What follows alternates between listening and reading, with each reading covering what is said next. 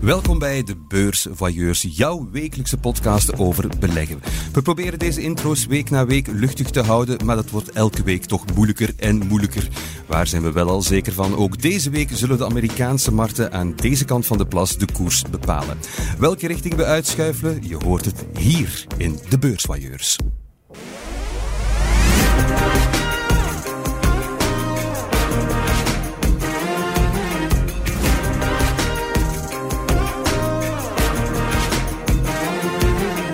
Aan goede inzichten in dit huis zeker geen gebrek, want ik word elke week geflankeerd door de knapste koppen van dit huis. En deze week zijn dat Christophe de Rijke van De Tijd en Frank de Mol van De Belegger.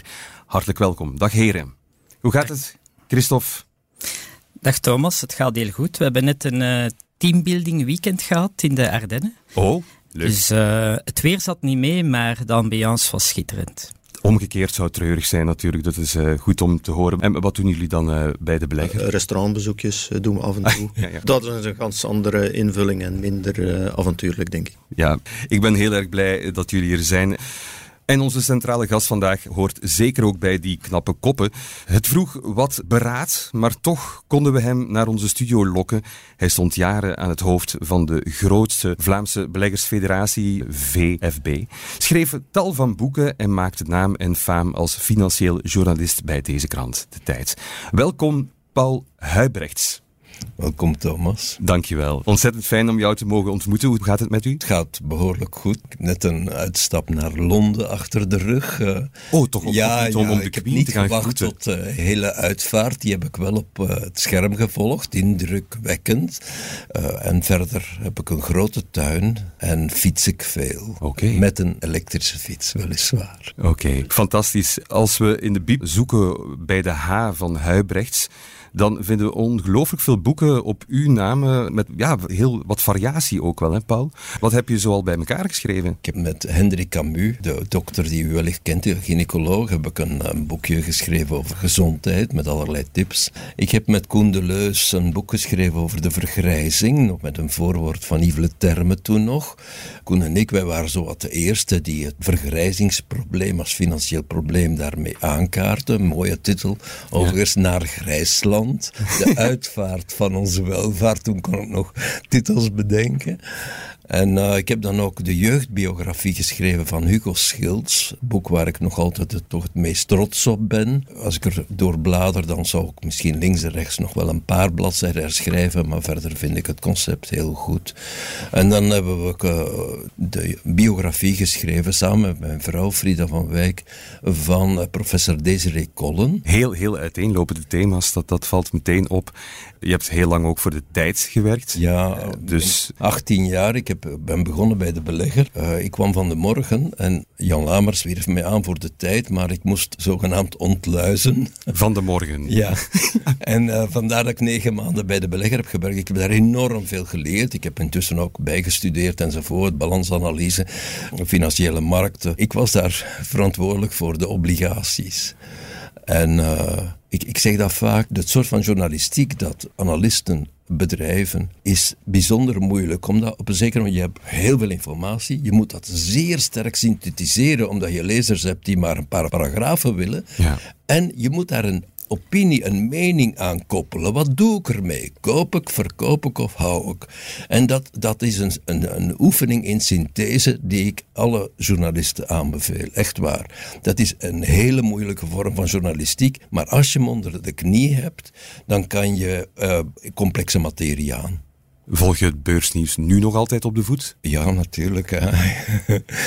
Maak je dan ook nog altijd analyses? Nou, nou, nou, nou. Ik, weet je, voor mij is beleggen een, een, een stuk van mijn leven. Hè? Dus ik ben met uh, een vijftigtal bedrijven bezig. Ik volg in de tijd, maar ook in veel andere publicaties. Ik, ben, ik heb veel meer literatuur dan ik gelezen krijg. Uh, maar ik, ik volg dus de markten en ik volg ook bedrijven. En dat boeit mij, dat blijft mij fascineren. En dat is een stuk van mijn leven. Uh, uh, dat, dat, dat, bevolkt mijn geest. En ja, ik ben daar nog druk mee bezig. Maar ik verdien natuurlijk graag, win graag.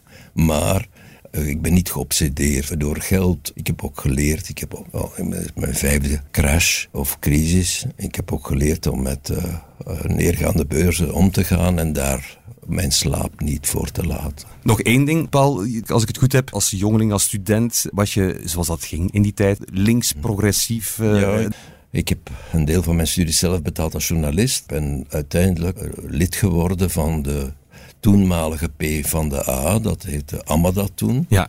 En ik ben in de fabriek gaan werken. Ik heb acht jaar bij Bayer in Antwerpen in een volcontinu uh, systeem gewerkt. En dan heb ik daar zeer kordaat uh, mee gebroken. Uh, ik ben terug in de journalistiek gestapt. Ik heb niet omgekeken. Ik heb er een bijna fysieke hekel voor alle extremisme aan overgehouden. Beste Paul Huibrechts, we zijn al heel wat te weten gekomen. Heel fijn. De rest is voor straks. Laten we eerst onze blik eens richten op de voorbije week. De beursblik. Waar liggen onze specialisten wakker van? Dat is de vraag in de beursblik. Natuurlijk, Christophe. Wat heb jij voor ons meegebracht? Wel, Thomas, ik zou het uh, gehad kunnen hebben over uh, de crash van uh, FedEx na de winstwaarschuwing. Of de crash van Ford dinsdag ook na een winstwaarschuwing. Maar ik, ik kom met een positief rapport aandraven. Een rapport waar eigenlijk veel minder aandacht voor is dan bijvoorbeeld voor FedEx of Ford. Maar het gaat eigenlijk over de halfjaarscijfers van Brederode. De holding. Dus dat is een, inderdaad een holding van de familie van der Mers. Het is zo dat uh, die holding over de eerste zes maanden van het jaar een negatief rendement behaalde van 2% ongeveer. Nu, een negatief rendement van 2% in die periode is eigenlijk enorm sterk, want de beurzen zijn toen met 15% gedaald. En ik denk dat het heel moeilijk is om ergens in de wereld een fonds of een trekker te vinden die in die periode min 2 heeft gedaan. Dus heel knap. En tegelijk ook, niet onbelangrijk, het afscheid van uh, Axel van der Mers, die uh, sinds 2010 de CEO was van Brederode en ook de zoon van uh, Pierre van der Mers, de stichter. En wat is er zo opmerkelijk aan zijn heerschappij?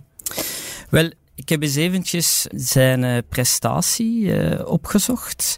Dus hij is in, in, mei 2010 is hij in dat dagelijks bestuur terechtgekomen, zo wordt dat genoemd bij Brederode.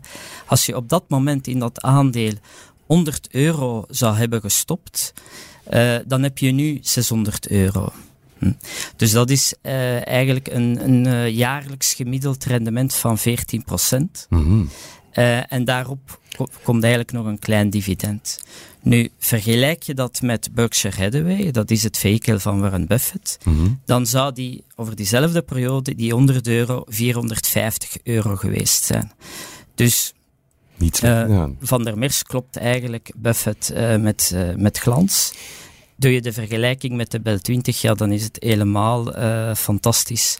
Want een Bel 20, die zou, een Bel 20 mandje is op dit moment 139 euro waard. Dus daar spreek je over een jaarlijks rendement van amper uh, 3% over die periode. En uh, wat is de verklaring? Hoe hebben ze dat klaargespeeld om zo mooie cijfers voor te leggen? Wel, ik, denk uh, dat Brederode uh, heeft ook geleerd uit zijn fouten. Want ik ben in 2009 uh, ben ik, naar de algemene vergadering geweest van, van Brederode. Dat was toen nog in Waterloo. Intussen zijn ze verkast naar Luxemburg. Nu, op die algemene vergadering was er absoluut geen, geen ambiance, in tegendeel. Want de waarde van de portefeuille was in 2008 ongeveer gehalveerd. Mm -hmm.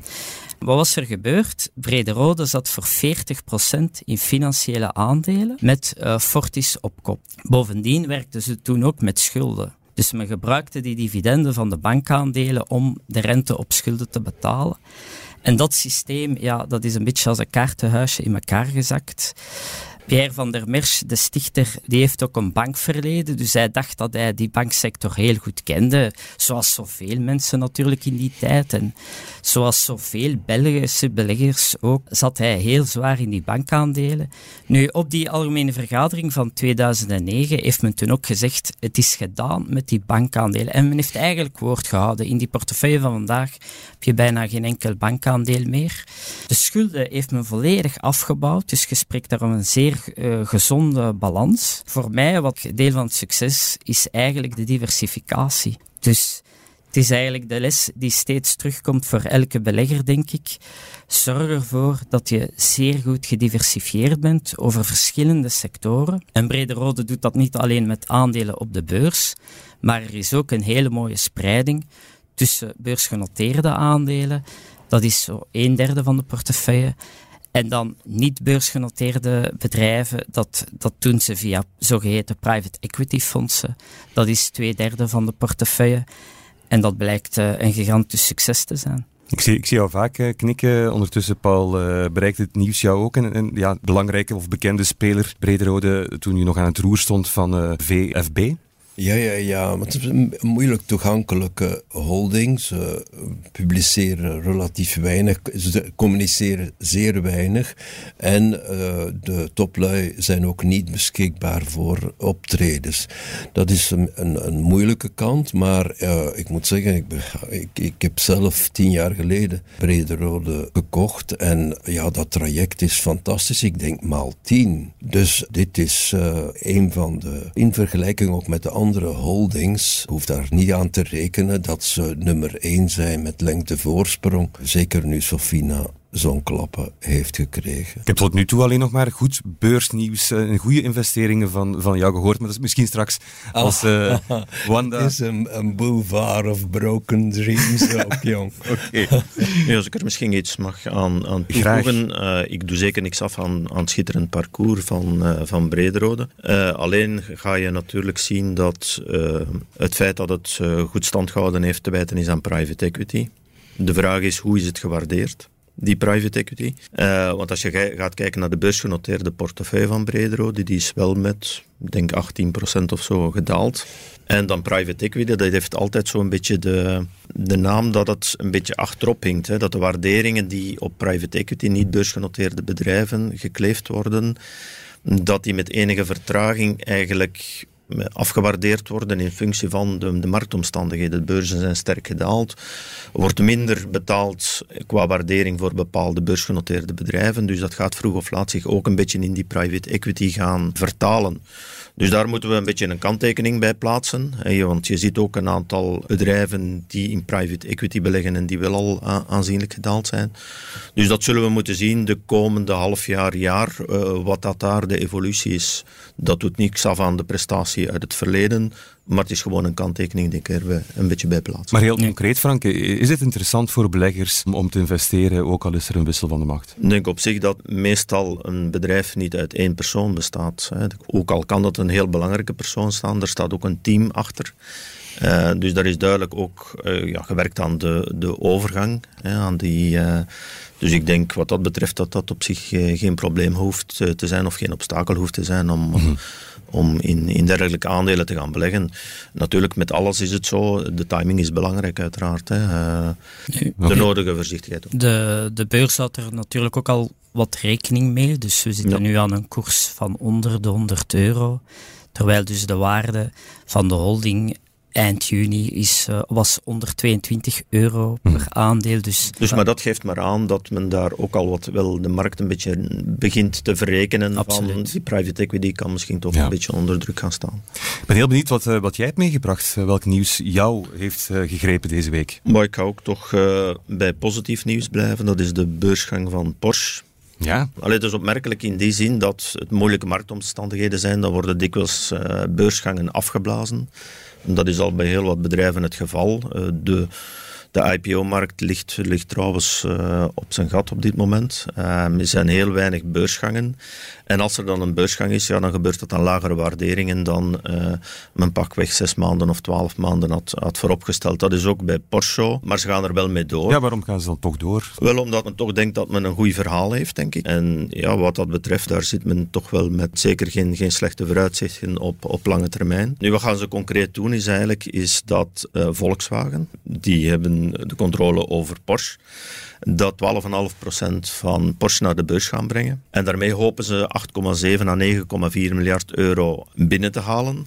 En daarnaast worden ook nog eens aandelen van Porsche getransfereerd naar Porsche Holding. En Porsche Holding Dat is eigenlijk het controlevehikel boven uh, Volkswagen. Mhm. En dat moet ook weer 9,4 à 10 miljard uh, gaan opleveren. Dus voor Volkswagen komt er heel wat uh, cash binnen. De helft daarvan dat gaat men uitkeren aan de aandeelhouders in de vorm van een dividend. Mhm. En de rest ja, zal ook geïnvesteerd worden in de toekomst, namelijk bijvoorbeeld in batterijtechnologie, hè, wat heel belangrijk is met de elektrische wagens.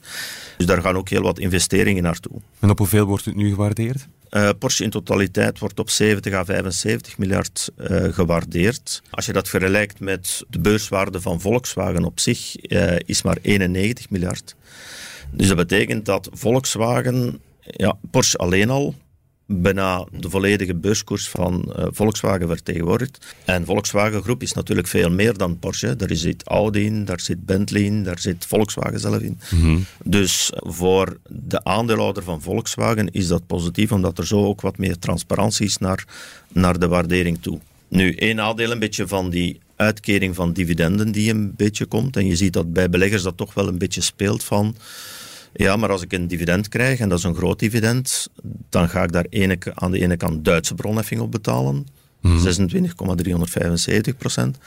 En daarnaast nog eens 30 procent Belgische roerende voorheffing. Van, dus van hetgeen dat ze uitkeren, ja, hou ik maar uh, afgerond 50 procent van over. Dus dat is iets dat natuurlijk beleggers wel bezighoudt en dat is natuurlijk een belangrijk punt. Uh, dat is uiteraard maar pas waarschijnlijk voor begin 2023. Maar het is wel iets uh, zeker waar men uh, rekening moet mee houden. Paul, zal het Porsche-aandeel dezelfde strategie hanteren als Volkswagen in het verleden? Wat denk jij? Ik denk dat de vergelijking met Ferrari moet worden gemaakt. Hè. Dus de Italiaanse, nu in Amsterdam genoteerde holding Exor heeft enkele jaren geleden Ferrari naar de beurs gebracht. En dat is een enorm succes geweest. Ook omdat de de, de brand zo sterk is. En de brand kan worden gebruikt om allerlei extensies, tot en met in, in de kledingsector, uh, uh, uit te bouwen. Dus ik denk dat Porsche ook zo'n brand is. En het, dat Porsche het zelfs in deze markt als luxe aandeel uh, goed zou moeten kunnen doen. Volkswagen is op zich natuurlijk spotgoedkoop. Ik denk dat het tegen de helft van de boekwaarde of iets meer staat. En met een koerswinst van, van vier of vijf.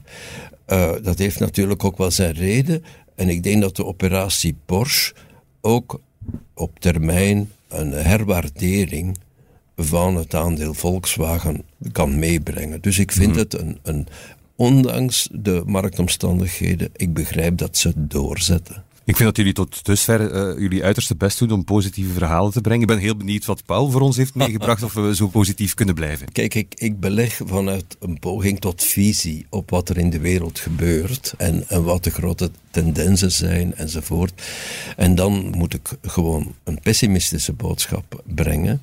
Ik vind dat we in Europa, in dat Eurasiatische continent, de Russische beer moeten tegenhouden. Dus we moeten die oorlog vechten en dat zal ons welvaart kosten. We zien dat vandaag in de oplopende inflatie. Uh, ik was echt wel geschrokken en ik denk iedereen door uh, dat cijfer van 45,2% stijging van de producentenprijzen, dus van de prijzen van de goederen en diensten aan de fabriekspoort. 45 2 procent. Zie Christophe de wenkbrauwen fronsen. Was je ook al onder de indruk van die producentenprijzen? Ja, absoluut. Het gaat dus voor alle duidelijkheid over de Duitse producentenprijzen, die dus inderdaad met 45 procent de hoogte ingingen. Wat mij vooral opvalt is dat sommige indicatoren waar we vroeger eigenlijk niet zoveel aandacht aan schonken, dat die nu ineens zeer belangrijk worden. Waaronder dus die Duitse producentenprijzen. Dat, dat droeg dinsdag bij tot een slechte beursdag. Het geeft aan dat mode wordt van de dag en uh, is inderdaad inflatie. En de beurzen hebben er enorm veel schrik van. Omdat dat uh, ja, inderdaad leidt tot actie bij de centrale banken. De hm. centrale banken die, die het ja, een beetje te laat hebben zien aankomen. Hè.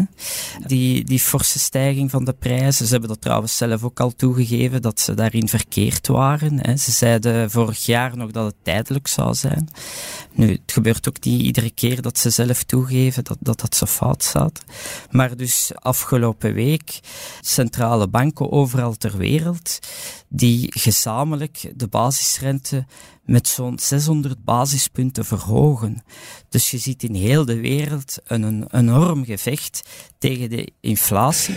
Kijk, als je, als je als industrie zoiets op je bord krijgt, ja, dan ga je in overlevingsmodus. Hè. Dit is dodelijk. Uh, goed, ik weet het wel, de gasprijs is aan, is aan het dalen enzovoort. En je kan altijd wel, en we zullen altijd wel positieve signalen zien. Maar ik vrees dat we uh, voor het volgende anderhalf jaar, ik wil niet verder kijken, maar dat we met uh, hoge inflatiecijfers, stijgende rentetarieven enzovoort gaan te maken hebben. Dat is, als we een onderscheid maken tussen de drie categorieën waarin we kunnen beleggen. Inflatie is natuurlijk slecht voor, voor de cash die je eventueel zou aanhouden als belegger, maar ik ben het daar niet helemaal mee eens. Cash uh, die je wil gebruiken om te consumeren, natuurlijk verlies je daar 10% of misschien eind volgend jaar 15, 20% koopkracht mee. Maar cash waarmee je wil beleggen, daar heb je het tegenovergestelde, want de asset, de activa prijzen waarin je kan beleggen, die dalen. En dus daar heb je uh, eigenlijk asset deflation en uh, cash met het oog op latere beleggingen uh, is, is, is, is zeker een mogelijkheid. Twee, obligaties. Ja, ik denk met stijgende rente daalt de waarde van de bestaande obligatiestok met lagere rente, lagere rentes, dus die waarde daalt. Dus ik denk voor obligatiebeleggers is er in de eerste uh, volgende 15 maanden geen uitweg. Dat zullen alleszins in euro verliezen worden. Ik denk dat de euro-markten er overigens slechter voor staan dan de Amerikaanse markten. Uh, ik denk dat we in, in, de Europese zone nog flinke renteverhogingen uh, zullen doorvoeren. Is dat ook de, de, manier waarop we er volgens u zullen uitgeraken, dat strakke monetaire beleid? Uh, de vraag der vragen, ja.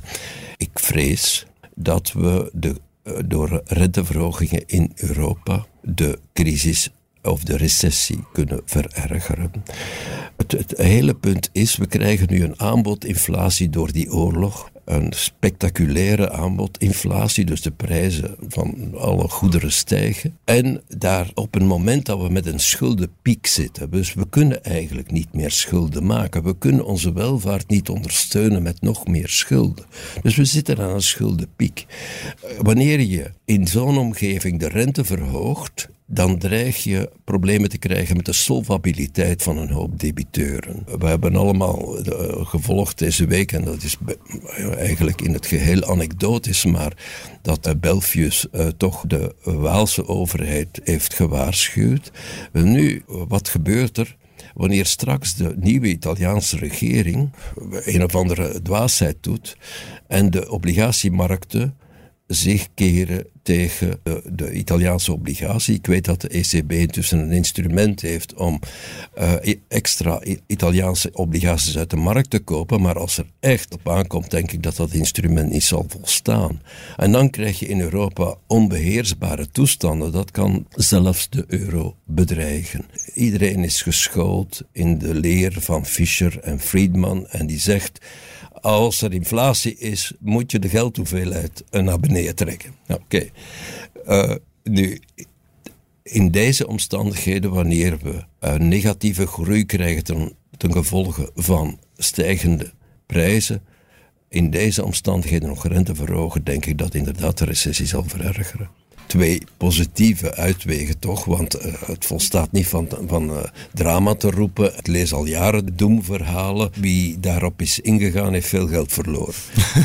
uh, maar dus, er zijn natuurlijk wel mogelijkheden. En ik denk, ik, ik zou in de obligatiewereld, wanneer de Amerikaanse rente, en ze zit daar op twee en drie jaar al, hè, mij in Amerikaans schatkistpapier wel willen opsluiten. Dat lijkt mij zowel vanuit het muntperspectief als vanuit het perspectief op eerder rentestabilisatie in de Verenigde Staten een verdedigbare optie. Dus Amerikaanse uh, obligaties. En twee, ik denk ook in de aandelenwereld dat er uh, opportuniteiten zijn. Is heel veel moeilijker te vinden dan ooit. Maar ik zou naar de energiesector kijken. Natuurlijk heb je daar een ESG-probleem. Wil je in fossiele brandstoffen of niet? Ik denk dat we hoe dan ook de middelen voor onze transitie uit fossiele brandstoffen, dat we die moeten verdienen in een omgeving met fossiele brandstoffen. Dus ik denk dat de bedrijven zoals uh, uh, Total Energies en Eker ASA uit Noorwegen, dat die volop zich in de transitie uit fossiele energie inschrijven. Dus daar zijn volgens mij opportuniteiten. Tweede, infrastructuur van de energietransitie. DEME is een goed voorbeeld met Boskalis en nu sinds kort Hal. Is spotgoedkoop, naar mijn mening. En het verbaast mij ook niet dat Elia goed stand houdt. Het kleine Fluxus Belgium kunnen we nog vernoemen. Dus ik denk dat er wel degelijk, voor wie zijn huiswerk goed maakt, opportuniteiten zijn in de sfeer de brede sfeer van de energie. Mhm. Rekening houden toch ook met ESG en met uh, de noodzaak om fossiele brandstoffen te verlaten. Oké, niet een helemaal vrolijke boodschap, Paul, maar het bracht ons wel de nodige inzichten om uh, ook de situatie hier beter in te schatten. En misschien geeft het ons ook meer inzicht in jouw beleggingen, Paul. Want nu gaan we even in eigen portefeuille kijken, eh, in de jouwe om precies te zijn. We zijn heel benieuwd wat daar zoal te vinden is. Show me the money. Ook wel het gedeelte van de show waar onze vragencomputer Wanda het helemaal overneemt. Wanda is de, de vragencomputer van de tijd. Er zitten 20 vragen in Wanda verstopt. We vragen een cijfer van 1 tot 20 op te roepen en dan komt er een vraag uit Wanda. Ik kan niet voorspellen wat het wordt. Ben je er klaar voor, Paul? Ja, ik moet wel. ik vrees van wel. Wat wordt het eerste cijfer? 7. 7. Wat was je beste belegging? Dat horen we zo dadelijk na dit. Paul Huibrechts is hier bij ons te gast en we zijn net diep in zijn beurs aan het tasten. Het is te zeggen, uh, we zaten eigenlijk nog maar bij de eerste vraag van Wanda. Wat was je beste belegging, Paul? Ik denk dat mijn beste belegging ASML was. Wat is ASML? Dat is een, een Nederlands bedrijf dat immense apparaten maakt, die 100 miljoen kosten, om chips te bakken. Ik, ik zeg het heel eenvoudig en, de, en de, de, technologie die ze daarvoor gebruiken eh, op nano-niveau is uniek in de wereld. En de Chinezen nu proberen op hetzelfde pijl te geraken, maar dat zal nog lang duren en veel investeringen vergen. Dus ASML heeft een monopoliepositie. Eh, ik heb het gekocht, denk ik, aan 66 of zo. Het is naar 700 en zoveel gegaan, dus maal 10. Het is, staat nu uh, eh, 350 of zo. Dus het is gezakt zoals alle schepen zakken wanneer eh, de zee zakt. maar het blijft een unieke positie in de technologie-sfeer behouden. Is het een recente investering of toch al even? Ik denk dat ik dat toch al wel een jaar of zes, zeven heb. Iedereen heeft de kans gehad om dat verhaal te lezen en daarin te stappen. Alleen ja, bleef het lange tijd hangen. En, en, en dan begin ik zelf ook wel eens te twijfelen. Als de markt niet overtuigd geraakt, zit ik dan wel goed. Maar ik zat duidelijk wel goed. Oké, Paul, nog een cijfertje? Drie. Van welke gemiste belegging heb je het meeste spijt? Je moet al lachen op voorhand. Ja, uh, kijk, uh, ik was VFB-voorzitter tijdens de periode 2007-2011 met de, de, drie banken die omvielen. Goed, ik denk dat de overheden, zowel de, de centrale banken als uh, onze politieke overheden dit hele proces al bij al niet slecht hebben bestuurd. En ik herinner mij dat Fortis, toen het nog niet Ageas heette, en KBC werkelijk voor een prikje op de rapen vielen op de Brusselse beurs. Ik heb dat niet gedaan. Ook omdat ik uh, bang was dat ik, ja, ik werd als voorzitter natuurlijk wel op de vingers uh, gekeken. Ja. En ik was bang dat men mij van uh, voorkennis, voorkennis ja. zou beschuldigen. Maar ik zag mijn ledenogen aan hoeveel van mijn leden en beleggers die toch flink verloren aan de hele crisis, dat die door gedurfde aankopen tegen werkelijk bradeerprijzen in Fortis en NKBC, dat die hun verliezen meer dan goed hebben gemaakt. Het doet nog altijd pijn, zie ik zelfs. Oké, okay, Paul, uh, nog een cijfertje. Eén. Wat is je meest recente belegging? ja, zelfs als ik uh, denk dat, het, uh, dat de macrocontext niet goed is, probeer ik toch, blijf ik zoeken. En ik zeg het, ik, ik, ik kijk nu vooral in de wereld van de energie. En ik heb twee dingen gedaan. Eén, ik heb Aker ASA gekocht. Dat is een complexe holding, maar die zich inschrijft in de transitie. Het is een Noorse holding. En Noorwegen is uh, het, het, het, eh, het, geld klotst er tegen de, tegen de wanden. uh, dus het is een Noorse holding die zich in de transitie inschrijft. En met verschillende componenten, ik ga er niet op ingaan, maar die volgens mij goed bezig is. En in deze omstandigheden ook wel geld moet kunnen verdienen. Twee, ik heb ook gekocht, en daar het denk ik dieptepunt, Hal. Dus de Nederlandse holding die net Boskalis heeft overgenomen. En waar um, twee componenten, Boskalis heeft het potentieel van een DME en uh, Vopak zit ook op een dieptepunt. En ik denk dat die, uh, dat, dat, dat, dat zich al zal herstellen. En uh, ik heb al voor de lange termijn, want er is heel weinig handel in. Dus dat is iets om weg te leggen. Zullen we nog een cijfertje doen? Eigenlijk heb je geen keuze, Paul. Sorry. Twee. Dat hadden we nog niet gehad, ja. Heb je ooit al ruzie gehad met jouw partner over beleggen? Ja, we hebben het dan over Frida van Wijk, uiteraard. Dat is nu eenmaal zo. Niet dat dat er nu zoveel toe doet, maar toch. Ruzie? Nee. Nee, ik zou geen dingen doen die zij uh, absoluut niet wenselijk acht. En, uh, Jullie overleggen wel? Ja, ja, ja, Ik kijk één keer per maand. Één keer per maand naar, naar onze portefeuilles. En verder weet ik natuurlijk wel elke dag wat erin zit. Maar ik, ik, ik, ik maak niet de rekeningen. Maar één keer per, maand kijken we en zeggen we... Oké, okay, uh, dat zal zakken uh, zoals alles zakt. Maar ontstaat maar wel geloven we er nog in en dan blijven we zitten. Ruzie maak ik weinig met daar. Of, en, daar, en zeker niet over geld. Nee, dat doen we niet. Nog eentje, Paul. Vier. Wat is jouw grootste positie? Het wordt alleen maar vrij postiger, jongens. Sorry, het is, het is Wanda, sorry. Elia. Oké. Ja, Elia. Uh, ik ben van in het begin mee. Uh, dat is een infrastructuurverhaal. Uh, zeer goede, een zeer sterk ingenieursteam. Goede afspraken met de overheid. Slimme afspraken met de overheid. In België, ook in Duitsland. Dus ik vind Elia ook vandaag. We zijn een beetje teruggevallen van hun hoogtepunt. Maar ik vind Elia ook vandaag voor de lange termijn een verdedigbare belegging. Maar je kan ze van mij niet kopen. Dankjewel, Paul. De hulplijn. U weet ons zoals altijd te vinden, beste luisteraar. En dat uh, stemt ons zeer tevreden, want we zijn er voor u om te helpen natuurlijk. Onze luisteraar deze week heet Karel. Dag Karel.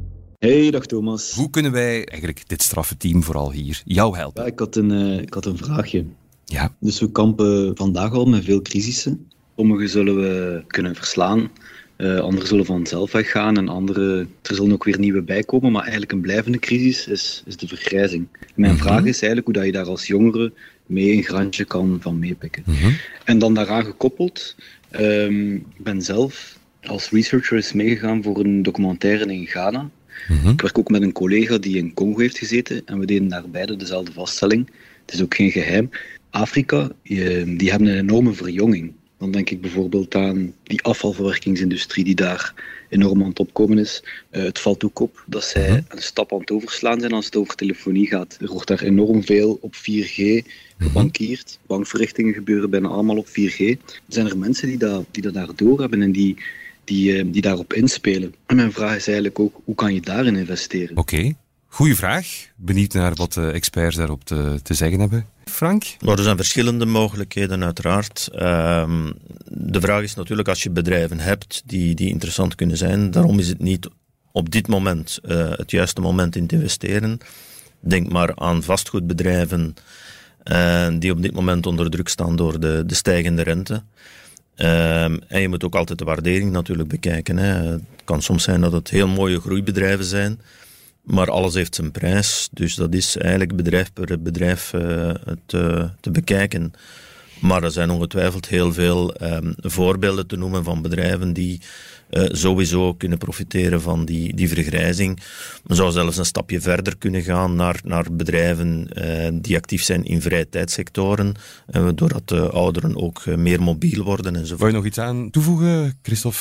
Ja, ik, ik, zou in de eerste plaats ook uh, inderdaad denken aan de vastgoedspelers die gespecialiseerd zijn in seniorenvastgoed, dus Care Property, Idifica en Cofinimo.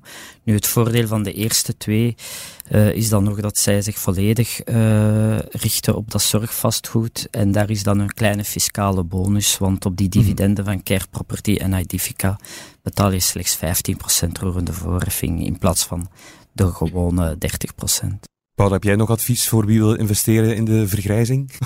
Om het kort door de bocht samen te vatten. Ja, kampioenen in uh, het uh, ouderenzorg zijn de Japanners. Maar ik kan u wel geen naam van een of ander Japans aandeel noemen dat, uh, dat daarin uitblinkt. Maar Japanners zijn daarin, exporteren wellicht vandaag al, en ze kunnen dat in de toekomst zeker nog, allerlei apparatuur die het ouderen makkelijker maakt. Twee, ik ken dat thema uiteraard al lang, want ik ben uh, zelf betrokken partij.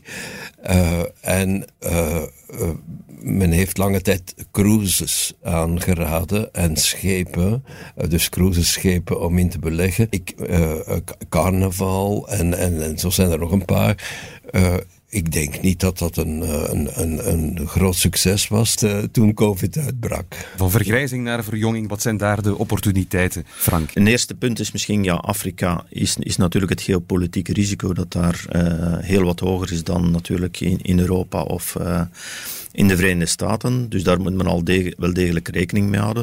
Het voorbeeld van Ghana, is misschien extreem, maar uh, de rente is daar denk ik uh, boven de 25 procent. Is een schuldherschikking uh, bezig voor binnenlandse obligaties. dat maar om aan te geven dat de risico's daar zeker groot zijn. En dan zou je best eigenlijk gaan via een fonds of een trekker die gespreid belegt in Afrika. Alleen, ik heb er eens een aantal bekeken. Uh, en wat zie je daar? Wat zijn de meeste bedrijven die daar uh, in die dergelijke fondsen zitten? Dat zijn grondstoffenaandelen en banken bijvoorbeeld. En grondstoffen is natuurlijk ook een cyclisch verhaal. Uh, daar zie je nu met eventueel een dreigende recessie dat die grondstoffenprijzen aan aan het dalen zijn. Dus ja, het is, niet echt makkelijk om daar echt goede investeringsmogelijkheden te zien. Je zou dan kunnen gaan naar een Orange, bijvoorbeeld, het Franse telecombedrijf, dat heel wat klanten heeft in, in Afrika. Dat is natuurlijk minder dan op uh, eh, 1% van de winst, maar dat is toch wel al een groot uh, aantal uh, aantal gebruikers die men daar heeft. Dus dat is dan een onrechtstreekse manier en op een veiligere manier. Ga eens naar Christophe. Er is wel één voorbeeld op de Brusselse beurs uh, en dat is uh, Texaf. Traditioneel gefocust op vastgoed en op een steengroeven, specifiek in Congo. Maar de voorbije jaren heeft men daar nu een, een, een derde pijler die men ontwikkelt, het zogeheten digitale poot. Waarbij men eigenlijk specifiek op die verjonging wil gaan inzetten. Dus wat, wat is men daaraan het doen? Men, men heeft daar een digitale campus uh, gebouwd in Kinshasa, uh, waar je dus opleidingen kan volgen uh, in internet, op inter voor internet gedurende zeven maanden. Mm -hmm. rond die campus zijn er dan werkruimtes specifiek voor start-ups in Congo. En men stopt ook geld in een fonds dat op zijn beurt uh, op dit moment al 16 jonge techbedrijven, Afrikaanse techbedrijven, uh, aan financiering helpt. Dus okay. op die manier is er uh, allez, wel een, toch een, een, voorbeeld op de Brusselse beurs. rechtstreeks lokaal in een lokaal bedrijf zal toch een beetje moeilijk zijn, denk ik. Maar het kan eventueel wel via Texaf, maar zoals Frank ook zegt, zeker niet het politieke risico uit het oog verliezen. En in het geval van Texaf is dat dan het, het, het Congo-risico. Waag jij je aan investeringen in de verjonging van Afrika? Ja, ik vind het een sympathiek thema, maar uh, zeer moeilijk. Uh, ik denk, kijk naar landen waar een middenklasse ontstaat, want dat is de hele sleutel voor ontwikkeling. En tot nog toe is dat in uh, Congo, onze vroegere kolonie, niet gelukt. Uh, ik zou, als ik dan toch naar Afrika kijk, naar de Zuid-Afrikanen kijken, waar natuurlijk wel uh, mogelijkheden bestaan op de, op de markt van Johannesburg. Ik heb er al lange tijd niet meer naar gekeken en ik stel vast dat Naspers, wat een mediaholding uh, was in Zuid-Afrika of is in Zuid-Afrika naar de Amsterdamse beurs is getrokken met uh, uh, haar participatie in het Chinese bedrijf Tencent. Hè. Dat is vandaag Prozus. Ik stel ook vast dat Bolloré, denk ik, weet ik niet helemaal zeker, maar denk ik zijn Afrikaanse handelsactiva heeft verkocht. Ik denk dat Afrika een heel moeilijk verhaal blijft. Ik zou het graag anders wensen. Maar dan moeten de Afrikanen werk maken, ik zeg het, van de uitbouw van een middenklasse en van een rechtsstaat. Karel, heb je hier iets aan gehad? Ja, wel, nog niet meteen een idee, maar het is, uh, het is veel informatie. Ja. Uh, informatie. Uh, ik hoop vooral dat, dat vergrijzing in dit geval uh, positiever uitdraait dan verjonging. Dankjewel in elk geval voor jouw fijne vraag. Dankjewel voor de uitgebreide antwoorden. Tot later, dag Karel. Dag. Tijd om eens uit te kijken naar volgende week met onze beursvailleurs. De blik vooruit. Christophe, waar kijk jij nu al naar uit voor volgende week? Wel, mijn collega's Serge Mampai en Michael Sefia die zakken volgende week af naar de Brusselse Nijverheidsstraat, waar Sophie zijn hoofdzetel heeft. En ze gaan er uh, Harold Bovel, de CEO, uh, spreken. Uh, over het afgelopen turbulente jaar. Het aandeel Sofina is dit jaar al met bijna 60% gezakt. Dat is, dat is echt ongelooflijk. Dus verschillende beleggingen die verkeerd zijn afgelopen, ook in opspraak zijn gekomen. Mm. Dan is er ook nog dat verhaal van die Britse shorter, Fraser Perring, die Sofina internationaal viseerde. Dus wij zijn benieuwd wat uh, Harold Boyle allemaal gaat vertellen. Er valt heel wat uit te leggen. Absoluut. Benieuwd. Uh, dat is voor volgende week. Frank, waar denk jij nu al aan? Qua bedrijfsresultaten is het nog iets te vroeg. Al zullen de winstwaarschuwingen stilletjes aan wel gaan aankomen. Uh, maar voor de rest, ja, investeerdersdagen zijn altijd natuurlijk nuttig. En ik denk dat uh, toch wel zal uitgekeken worden naar de investeerdersdag van Telenet dat ook heel uh, zware klappen heeft gehad. Uh, smartfoto is bij de kleinere bedrijven. Dus dat zijn toch wel uh, interessante momenten, denk ik.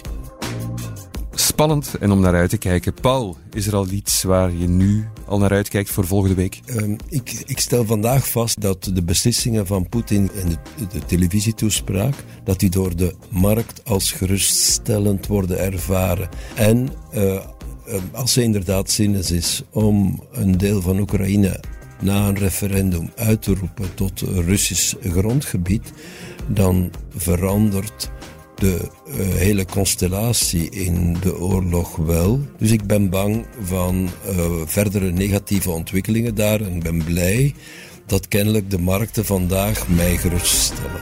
Dus we zullen zien wat er volgende week van komt. Goed, dit was het voor vandaag. Ik bedank onze beursvailleurs van dienst Christophe de Rijken en Frank de Mol en onze luisteraar Karel voor de fijne vraag. grote dank natuurlijk ook aan onze beursvailleur van dienst, Paul Huibrechts. Volgende week zijn we opnieuw met een nieuwe bekende vailleur die nog niet al te veel kwijt wou, behalve dit. Hallo beursvailleurs. Ja, dat zeker dat, hè, dat ik graag afkom volgende week. Het is wel super druk nu. Mijn bedrijf trok de aandacht van Londen en ja, nu zijn we echt vertrokken, hè, zeg. Maar bon, dat is allemaal voor volgende week. Tot dan, hè. Dag! Dit was de Beursvoyeurs. Presentatie door Thomas de Soete. Productie door Anne-Sophie Moerman. Mis het beursnieuws niet op tijd.be. Graag tot volgende week.